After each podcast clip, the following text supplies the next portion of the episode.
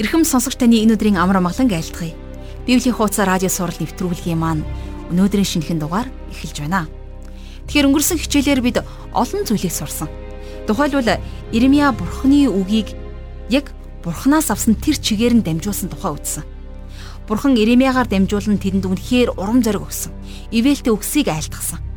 Мөн олон жилийн турш Иремьягийн дамжуулсан үг үргэлж биелж байсан. Тэм ч учраас ард түмний удирдагчид Иремьяг үннийг хэлдэг юм байна. Бурхны үгийг байгаагаар нь дамжуулдаг юм байна гэдгийг мэдэж авсан. Тэгээд Иремья дээр ирж Бурхны хүслийг асуулгасан ч гэсэн Иремьягийн хэлсэн үг тэдэнд таалагдаагүй. Бурхны үнэн үг заримдаа хүмүүс үнэхээр таалагддаггүй. Хэдийгээр хүмүүс биелдэг гэдгийг мэдж асуусан ч гэсэн Иремьягийн хэлсэн үг ахаад л тэдэнд таалагдсангүй.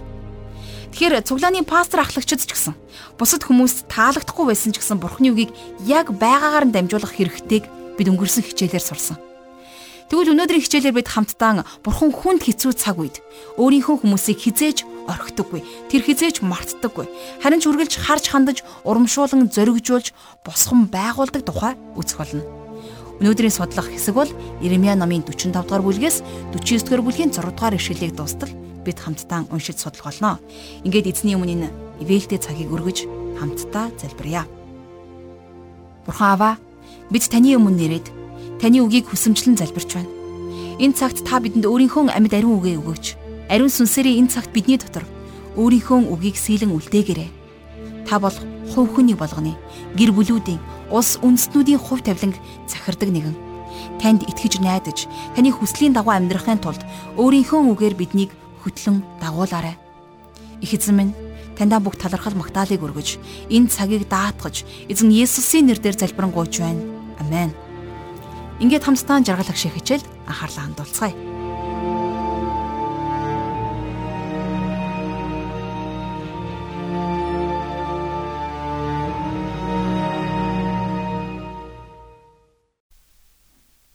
За өнөөдрийнхөө хичээлээр бид хамтдаа Иремья номынхон 45 дугаар бүлгээс үзэж эхэлье. Өнөөдрийн та бидний үзэх 45 дугаар бүлэг дээр бол баруухад хандсан бурхны үгс гардаг. За баруух гэж энэ хүн болвол Иремья тусалж байсан тэрний дотны нөхдийнх нь нэг байсан. Йохойким хаанд өгүүлэхээр Иремьягийн үгсийг хуйлмал номон дээр бичсэн хүн болвол баруух. Харамсалтай нь тэр хуйлмал номыг хаан хутгаар огтолж галд хайсан байдаг тийм ээ. За энэ түүх бол номын маань 36 дугаар бүлэг дээр гарсан. Иремьяг шоронд байхдаа Анатодод газар худалдан авах үед тэрний энэ ажлыг зуучилж Иремья тусалсан хүн болвол бас л энэ баруух гэж хүн байсан. За харин Иремья номын 43 дугаар бүлгийн 6 дугаар ишлэл дээрс харах юм бол тэд нар бас баруухыг хүчээр Египт рүү авч явсан байдаг. Ингээд баруухад хандсан бурхны иш зүйлгийн үгсийг Иремья Йехойким хааны үед дамжуулан хэлсэн юм. Тийм учраас бид нэр Иремья номыг анх үзэхдээ л Иремья номон дээрх бүх хэсэг яг үйл явдлын дарааллын дагуу бичигдээгүй гэдгийг ойлгох хэрэгтэй гэж үзсэн байна. Тэгвэл энэ удаад ч гэсэн хэдийгээр энэ иш үзүүлэг нь Йохояким хааны үед хэлэгдсэн ч гэсэн Иремья номонд бичигдэхдээ Иремья номын сүүл хэсэгт бичигдсэн байгаа юм. Магадгүй энэ хэсэгт бичигдсэн нь баруухад хүн хэцүү цагт нь урам зориг өгөхийн тулд байсан бахаа гэж би хувьдаа бодож байна. Хэрвээ тэр Иремьяатай хамт мөр зэрэгцсэн зүтгэх юм бол тэрнийг ямар ирээдүй хүлээж байгаа тухай Бурхан айл эрт тэрэнд илчилсэн байсан. За тиймээс баруухыг Египт рүү хүчээр явсан тэр хүнд хэцүү цаг үед энэ үгс баруухад урам зориг өгөх учиртай байсан. За ингээд хамтдаа номынхон 45 дугаар бүлгийн 2-оос 3 дугаар ишлэлийг одоо уншийе. Барууха Израилийн бурхан эзэн чамд ингэж айлдаж байна. Чи ээ би золгүй ээ. Учир нь эзэн миний өвчин шанал зовлон нэмэв. Би yoolсоор туйлдсан бөгөөд ямар ч амралт олсонгүй гэж хэлсэн билээ гэж энд бичсэн байна. Үнэн дээр Йохойким хааны үед нөхцөл байдал сайнгүй байсан ч гэсэн дараа дараачийн хаанчлалын цаг үеүүдэд болсон үйл явдалтай харьцуулахад харьцангуй боломжийн гайгүй цаг үе байсан гэж ойлгож болно. Йохояким хааны хаанчлалын дараагаар л нөхцөл байдал бүрд ордсон байдаг. За дөрөвдүгээр ишлэлийг харах юм бол чи түүнд ингэж хэлэхтэн. Эзэн ийн айлдав. Үзэгтэн. Би барьж усгсноо нураах гэж байна. Тарж суулгаснаа тастан суглах гэж байна. Тэр нь бүхий л нутаг юм аа гэсэн. Хэдийгээр нөхцөл байдал улам бүр дордох боловч тэр бүхний ард бурхан өөрөө ажиллаж байгаа гэдгээ бурхан баруухад тодорхой хэлүүлсэн байна, тийм ээ. Юдагийн газар нутагт тохиолдох гэж байгаа тэр бүх гайхамшигын цаана бурхан өөрөө ажиллаж байгаа гэдгээ хэлжээ. Тэм учраас барууч гэсэн бас тэрэл замаар шантралгүй явах ёстой болно гэдгийг бурхан хэлсэн. За 5 дугаар ишлэлдэр харин чи чи өөртөө агуу зүйлсийг хайж байна уу? Битгий хай. Учир нь үзэгтэн би бүх махбод дээр гайхамшиг авчрах гэж байна. Харин чиний явж болох бүх газарт би амийг чинь чамд олз болгон өгнө гэж эзэн тунхаглаж байна гэсэн баг. За энэ иш үзүүлгийн үгсийг бурхан баруухад залуу байхад нь өгсөн. Бурхан баруухад өөртөө агуу зүйлсийг агуу зорилгыг битгий тавиа гэж хэлсэн байна тийм ээ. Яагаад гэвэл улс үндэстний дээр хүнд хизүү цөвөн цаг ирэх гэж байна гэдгийг бурхан хэлсэн. Тэгэд энэ хүнд хизүү цагуудыг туулах болно гэдгийг нь бурхан баруухад хэлсэн байна. А гэхдээ тэр бүх хүнд хизүү үеүүдийг тэр бурхантай хамт туулан гарах болно гэдгийг шилсэн. За харин одоо бол Египт рүү хүчээр явх үедээ Иремья барух хоёрын нас дээр гарсан байсан. Тэдний туулан гарсан бүх аимшигт цаг үеүүдэд бурхан тэднийг хэрхэн аварч гарсныг за амь насыг нь хэрхэн олз болгон тэдэнд өгснийг тэд нар бүгдийг нь нүдэрээ харсан. За номын 46-аас 48 дугаар бүлэг дээр болвол Иремия Египтэд байх хугацаанд бусад улс үндэстнүүдийн тухай үзүүлсэн иш үзүүлгүүд гардаг. Тэгэхээр Юдагийн нутагт үлдгэсэд Иремия хүслийнх нь эсрэг хүчээр Египт рүү авч явсан тийм ээ.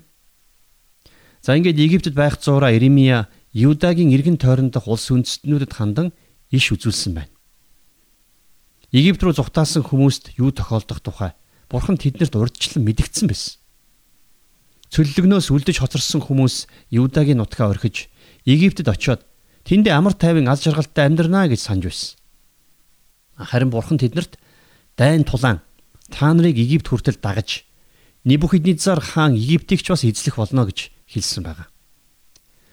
Хамтдаа одоо 46 дугаар бүлгийн 17 дугаар ишлэлийг харцгаая. Тэд тэнд Египтийн хаан фараон чанга шууган юм. Тэрээр товлогдсон цагийг өнгөрүүлсэн гэж хашгирчээ. За өөрөөр хэлэх юм бол тэднийг Египтийн хаан фараонд түшиглээд нэмэргүй гэдгийг энд их тодорхой хэлсэн байна. Яагад гэвэл Египт ч гэсэн бас Бабилонд ялагдана. За үргэлжлүүлээд 19 дугаар ишлэлдэр тараагдсан Египт охиноо ачаа тээшээ цөллөгт бэлд. Учир нь Мемфис зилүүд газар болно. Тэр нь шатаж оршин суугчдгүй болно гэсэн байна. Юдад үлдгэсэд бурхан биш. Харин Египтэд Египтийн фараонд итгэл найдвараа тавьснараа том алдаа гаргасан байна. Яагад үг гэхээр тэд нар бурханд итгэх ёстой байсан. Тэд нар бурханд итгэж бурханыг дуулууртаа дагах ёстой байсан. Гэхдээ тэдний энэ бүх дуулуургүй байдлаас үл хамаарч Иремья тэднэрт дараах гайхалтай үгсийг дамжуулсан байна. Хамтдаа 46 дугаар бүлгийнхээ 27-оос 28 дугаар ишлэгийг одоо харъя. Харин зарц Яаков минь чиний тухайд бүү ээ. Бүү зүрх алд Израиля. Учир нь хараач. Би чамайг холоос үр удмыг чинь тэдний олзллын нутгаас авчрах гэж байна. Яаков буцан ирж айн цочилгүйгээр амар амгалан аюулгүй байх болно. Зарц Яаков минь бүү аа гэж эзэн тунх гэлж байна. Учир нь би чамтай хамт. Учир нь миний чамайг зайлуулсан бүх үндэстнийг би бүрэн устгах нь. Чамайг харин би бүрэн устгахгүй. Гэвч би чамайг зохистойгоор засах бөгөөд чамайг шийтгэлгүй яасан ч орхихгүй гэж айлдаж байна гэсэн байна. За энэ ишлүүдээс харах юм бол бурхан Израиль үндэстнийг бүр мөссөн хаяагүй гэдгийг харж болж байна тийм ээ. Бурхан тэднийг шийтгэж тэдний дээр шудраг шүлтэд буулгасан ч гэлсэн тэднийг хизээч бүр мөсөн устгахгүй гэдгийг хэлсэн байна. Ром номын 11-р бүлгийн 1-р эшлэлдэр Паулийн асуусан Бурхан өөрийн ард түмнээ голсон гэж юу гэсэн асуултанд энэ ишлэл лавтая хариулт болж чаднаа гэж би бодож байна. Тэгэхээр бид нар Библийг Бурханы үг гэж итгэж байгаа бол Библиэлд дээрх үг нэг болгонд итгэх учиртай. За 47 дугаар бүлэг дээр бол Бурхан Ирмигаар дамжуулан Филист үндэстнүүдийн эсрэг иш үзүүлгийн үгсийг айлдсан байдаг. Юда нутагт үлдэж хоцорсон цөөхөн хідэн үлдгэсэд эргэн тойрны улс үндэстнүүдийнхээ хинрүү нь хандхаа мэдэхгүй байсан. Хаашаа явж хинээс тусламж гуйхав аль үндэстнийг түшиглэх вэ? Тэдний эргэн тойронд нутгалж байсан зарим улс үндэстнүүд тэдний дайснууд байсан. Юдачууд дайснууд руугаа тусламж гуйн очих уу? Бурхан тэднийг хаашаач битгий яв гэж хэлсэн байсан. Яагаад гэвэл филистичүүд хүртэл булаан эзлэгдэх болно гэдгийг Ирмигаар дамжуулан Бурхан 47 дугаар бүлэг дээр хэлсэн байдаг. За 48 дугаар бүлэг дээр болохоор Муавчуудад хандсан бурхны иш үзүүлэг гарна. Бурхан Муавчуудыг ч гэсэн устгах болно гэдгийг энд тодорхой хэлсэн.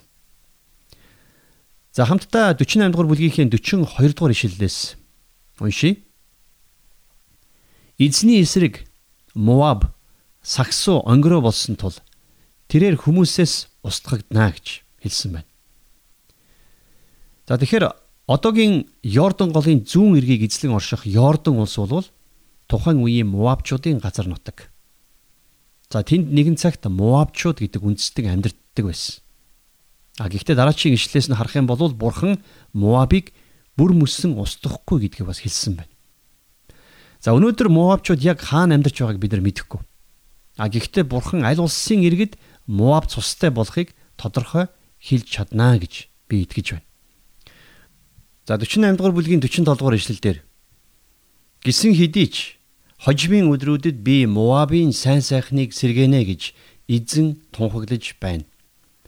Муаб дээр эрх шүүлт ингэж дуусаж байна гэж бичсэн байна.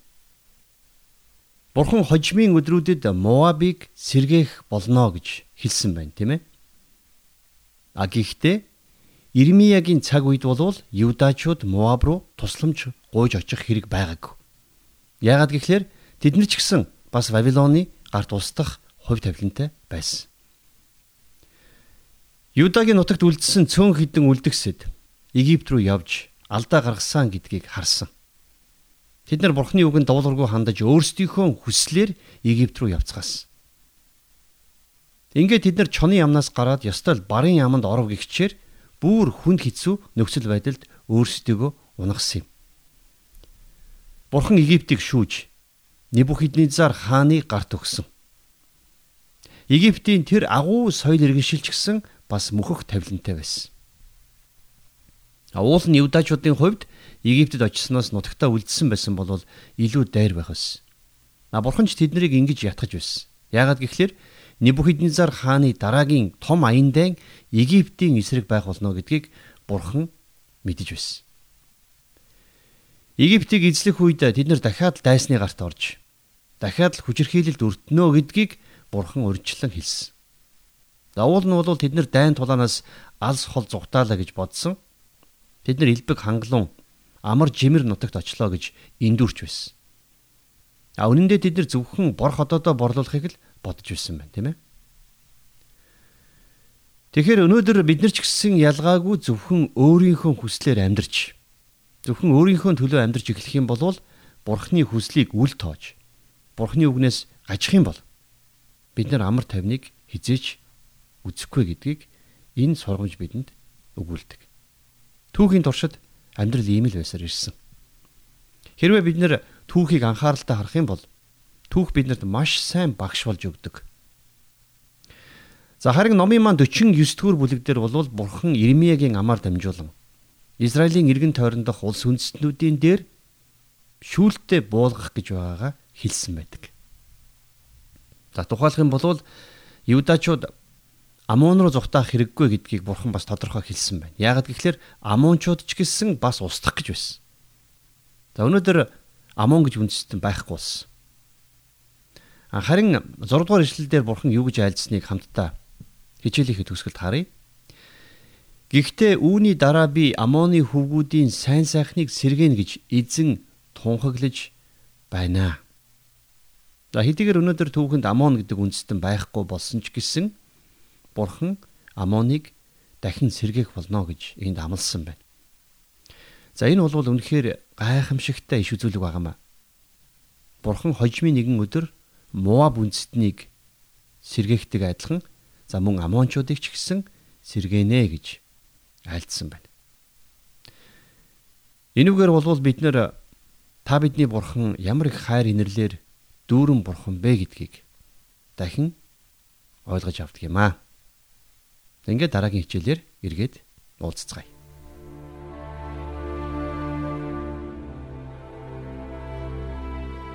Тэгэхээр бурхан өршөөл нэгүслэр дүүрэн гэдгийг бид өнөөдрийн хичээлээр ахаад баталж харлаа. Юдад үлдгэсэд бурханд биш. Харин Египтэд Египтийн фараонд итгэл найдвараа тавьснараа маш том алдаа гаргасан. Учир нь тэд бурханд итгэх ёстой байсан юм. Тэд бурханд итгэж бурхныг дуулууртай дагах ёстой байсан. Гэхдээ тэдний энэ бүх дуулуургүй байдлаас үл хамаарч Иремья тэдэнд бурхны гайхамшигтай амьд ариун үгийг дамжуулан хэлсэн. Бурхан энд хэлэхдээ чамайг харин би бүрэн устгахгүй. Гэвч би чамайг цогцтойгоор засах бөгөөд чамайг шийтгэлгүй яасан ч орхихгүй гэж айлдаж байна гэж хэлсэн байдаг. Яг л жаахан хүүхдээ алдсан ч гэсэн алдааг нь уучилдаг аав ээжийн адилаар бурхан ч гэсэн тэдэнд ингэж хандсан юм.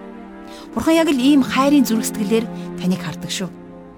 Тэр таны өнгөрсөн болоод ирээдүйд хийх бүхий л муу мухайг чинь нэг бүрчл мэднэ. Гэхдээ бурхан тэр бүхнээс болоод таныг бүр мөсөн хаяхгүй. Харин тэр таныг өршөөж, уучилж, хайрлах болно. Гэхдээ та бурхан намайг уучлчих юм чинь би яасан ч ядын гэсэн хандлага гаргаж хизээж болохгүй шүү. Яагад гэвэл бурхан таныг тамаас гэтлгэж диваажинд оруулах ч гэсэн. Яасан ч муу мухай үйлдэлийг чинь шийтгэлгүй орхихгүй гэдгийг санаарай. Өнөөдрийн хичээл энэ хүрээд өндөрлөж байна. Хамтдаа эзний өмнө талархал өргөж залбирцгаая. Бурхан аваа Таньда энэ цагийн төлөө талархал өргөн залбирч байна. Үнэхээр өнөөдрийн ивэлтэй үгийн төлөө баярлалаа аваа. Та биднийг таны хүслээр биш, харин өөрсдийнхөө хүслээр, өөрсдийнхөө хар амиа бодсон тэрл хандлагаар амьдрахаас биднийг хамгаалж өгөөрэй. Таны үгийг судалж, таны үгийг таньж мэдээ зогслохгүйгээр, таны үгийг хэрэгжүүлэн дуулууртай амьдрахад бидэнд туслаач аваа. Та бол улс үндэстнүүдийн хувь тавиланг мотортоо атгадаг бурхан Бидний аим амьдралыг, бидний хувь зохиолыг та өөрийнхөө сайн тааллын дагуу удирдан чиглүүлээрэй. Ариун сүнсээрээ биднийг хөтлөн дагуулаач. Их эзэн минь таньдаа бүх алдар магтаалыг өргөж, эзэн Есүсийн нэрээр залбирanгуйж байна. Амен.